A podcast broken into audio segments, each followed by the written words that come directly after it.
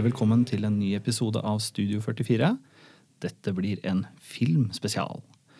Vi har nemlig eh, i biblioteket fått en ny filmtjeneste som heter Filmoteket. Eh, filmoteket.no kan du gå inn på da og registrere deg med lånekortet ditt. Sette opp en bruker, og så kan du låne fire filmer i måneden.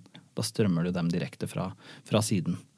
Og det er veldig mye bra film der. Eh, derfor har jo jeg, eh, Jo som jeg heter, tatt med meg et par tips. Det samme har også Elin og Bent Inge.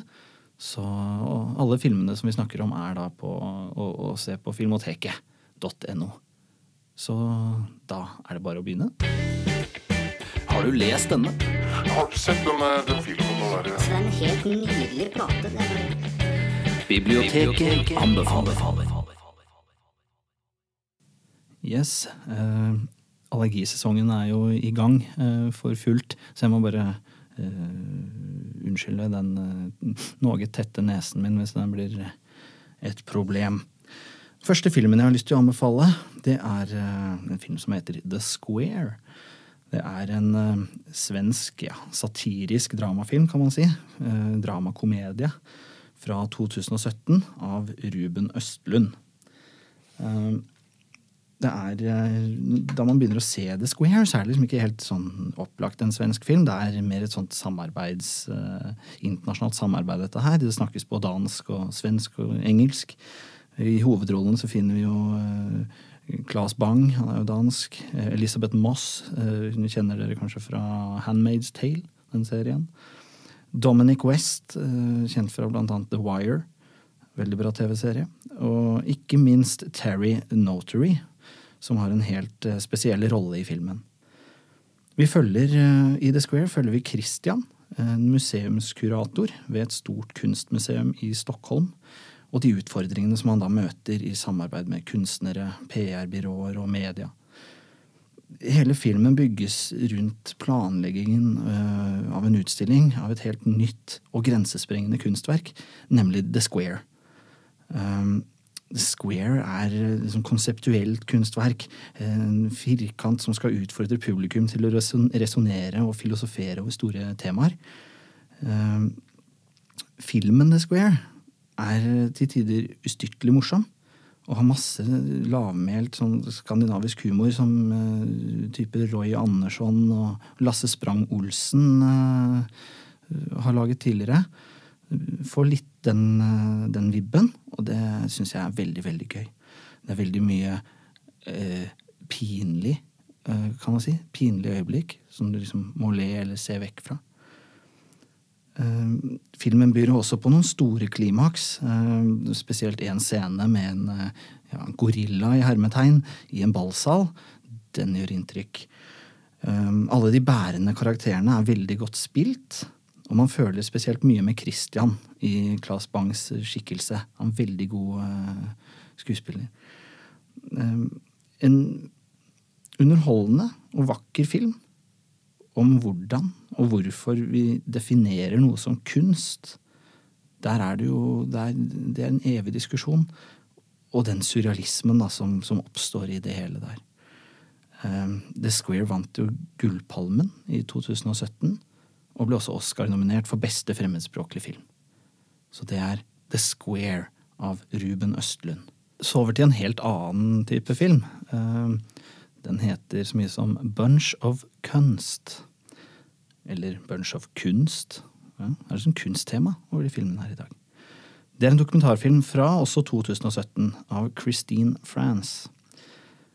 I Bunch of Kunst så følger vi kultbandet Sleaford Mods, som opererer i den relativt smale undergrunnssjangeren spoken word, rap, techno, punk. Jeg tror faktisk de er de eneste som opererer i den sjangeren. Sleaford Mods består av sinnataggen James Williamson og hans bestevenn Andrew Fern. Det er to karer i 40-årene som har holdt bandet da gående siden 2007. Musikken virker slik at James kjefter og smeller av gårde i en slags rap ø, om arbeiderklassens utfordringer, misnøye med den politiske ledelsen og generell misantropi, kan man si. Mens Andrew lager musikken, som oftest består av så få elementer som mulig gjerne bare trommemaskin og punkebass. Så når man lager slik musikk, er ikke veien til verdensherredømme opplagt. Gutta ansetter en lokal bussjåfør som sin manager, og fortsetter mer eller mindre som de har pleid. Så smeller plutselig Sightgeist-bomba, og interessen for bandet tar av. De treffer tidsånden og blir ja, i hvert fall kultstorheter i store deler av verden. I filmen så får vi være med helt nært og ærlig på bandets vei mot rockestjernestatus. Bunch of Kunst er en veldig morsom, underholdende og noen ganger også emosjonell film om standhaftighet, kunstnerisk integritet og ikke minst vennskap, kjærlighet og familie. Hvis du ikke takler store mengder engelsk arbeiderklassebanning, er nok ikke dette filmen for deg. Er du dermed fan av undergrunn, rap, punk, EastEnders, er denne et must å ha på lista. Selveste Iggy Pop er til og med med i filmen.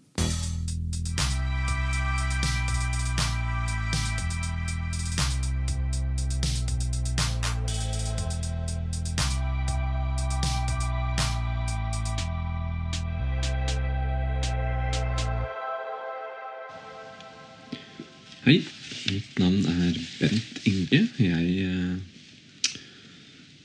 har eh, i dag plukket frem to filmer fra Filmoteket som jeg vil anbefale. Det første er en dokumentar som heter RBG. Det er initialene til høyesterettsdommer Ruth Bader Ginsburg. Eh, amerikansk eh, jurist og advokat, og da altså etter hvert høyesterettsdommer. Født i 1933.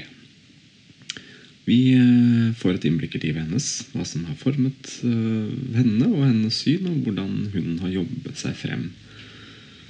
Eh, Det høres kanskje tørt ut med jurister og advokater og dommere, men dette her er absolutt ikke tørre saker. Ruth Bader Ginsburg er også blitt sett på som et feministikon.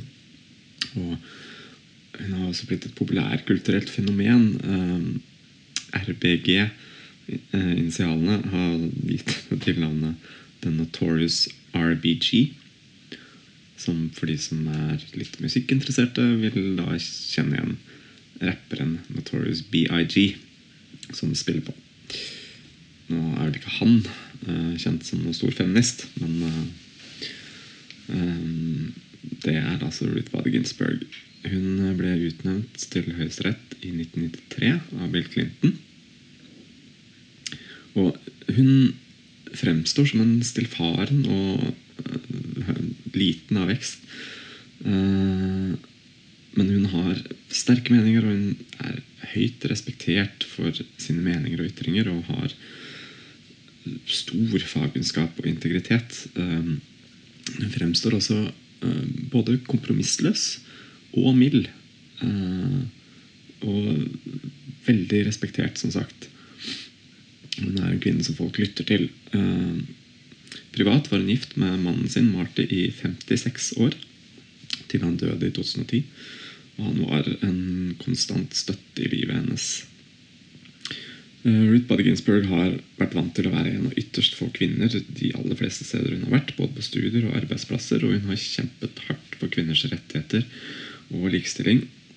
Hun har jobbet knallhardt både for sin egen del, men særlig for at andre skal få oppleve rettferdighet. Så dette her er et fascinerende portrett av en person som ikke gir opp en kamp, og som har evnen til å få gjennom sin vilje eh, ved mot og faktabasert fremstillinger, og uten at hun har noen brautende personlighet. Hun jobber for det hun vil oppnå. Uh, og det er jo sånne herlige scener her, annet av en 85 år gammel kvinne som trener hardt, annet med vekter. Og uh, det er smil og latter her.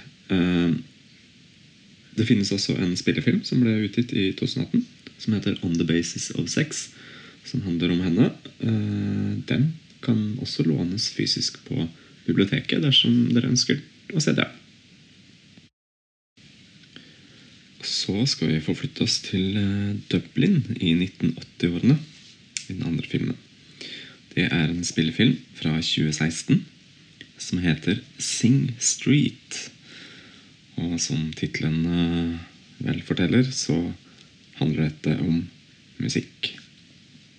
Den filmen ble nominert til Gold Globe for beste musikal eller komedie. Som da tydeligvis er en sammenslått uh, pris. Uh, regissøren er John Carney, som også har regissert filmen Once, for de som husker den, fra 2007. Det var en ja, romantisk uh, drama med musikeren Glenn Hansard i hovedrollen. Eh, og filmen 'Forelsket i New York' med bl.a. Keira Knightley. Begge handler jo om musikk og romantikk, og det gjør denne her også. Eh, det er en utrolig sjarmerende, søt film eh, som Den baserer seg på velkjente filmhistorier. Ja, det er en ung gutt som starter et band for å imponere en jente. Men her får du mye humor, du får musikk, og det er ja, Hvis jeg kan få kalle det intelligent romantikk. Det er søtt, men det er ikke klissete. på en måte. Og for de som er glad i 80-tallet og musikken derfra, så er det jo herlig poprock. Det er jakten på den perfekte poplåta. Det er litt duran-duransk, kanskje, og det er virkelig fengende. Og det er altså bl.a. en gøyal musikkvideoinnspilling her. Vi møter bøller og outsidere, og eh, den spiller jo hele tida på drama og romantikken, men den er likevel virkelighetsnær og klarer å unngå klisjéfellene som slike filmer fort kan gå i, mener jeg. En fin historie med herlig musikk og en skikkelig sjarmbombe av en film. Den handler mye om å følge de drømmene vi alle bærer på. Denne filmen har vi også fysisk på biblioteket hvis noen ønsker å låne den derfra. Så RBG, dokumentar fra 2018, Sing Street, spillefilm fra 2016, anbefales på Filmoteket.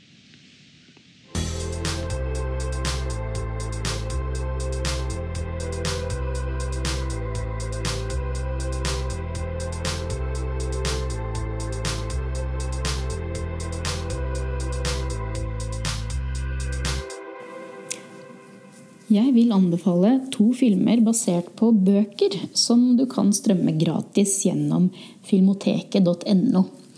Den første er Jane Eyre. Denne historien er jo filmet mange mange ganger, og jeg gikk til denne versjonen fra 2011 med forholdsvis lave forventninger. Charlotte Bronte sin bok er kanskje kjent for de fleste.